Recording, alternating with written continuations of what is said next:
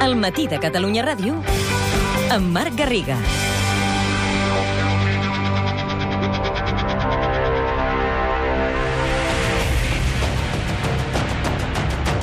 Trenta-cinc cops de fals. Vida militar. Els Miquelets.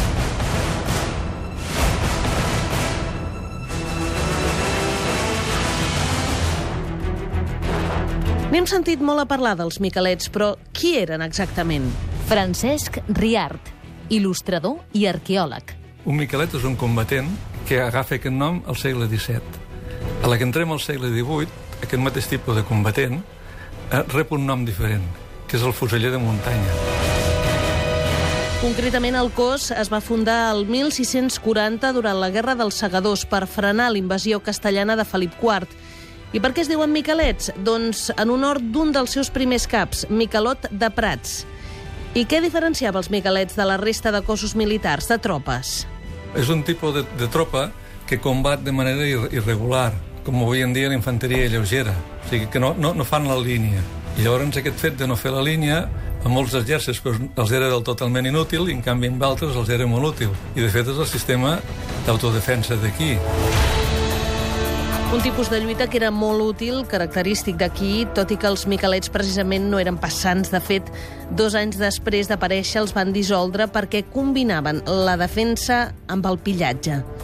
En tot cas, durant la Guerra de Successió, els miquelets van tenir un paper decisiu, contractats pels austriacistes per lluitar contra les tropes de Felip V. Lògicament, amb la victòria borbònica es va dissoldre el cos i la seva persecució, per cert, va ser un dels motius de la creació de les esquadres, embrió dels Mossos. Aquests eren els miquelets, però les tropes regulars no vivien pas malament del tot. Cobraven molt bons sous i amb un objectiu. Un oficial de, de, de tinent en amunt en podia cobrar de 40 a 250. Són molts diners. Doncs per què són tants diners? Perquè puguis marcar-te una diferència. Els militars, doncs, eren un estrat important de la societat en aquella època. Tenien un contracte firmat amb el govern i cobraven molts diners a canvi d'anar sempre impecables i d'estar sempre disponibles. Anar a fer la guerra en aquella època no era pas com ara. S'hi havia d'anar mudat.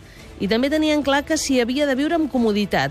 Per això tenien tendes de campanya amb tots els luxes imaginables. Una altra cosa va ser el setge de Barcelona.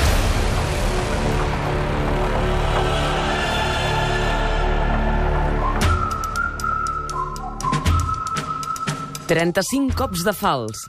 Laia Claret i Clara Jordan amb muntatge musical de Josep Plazas.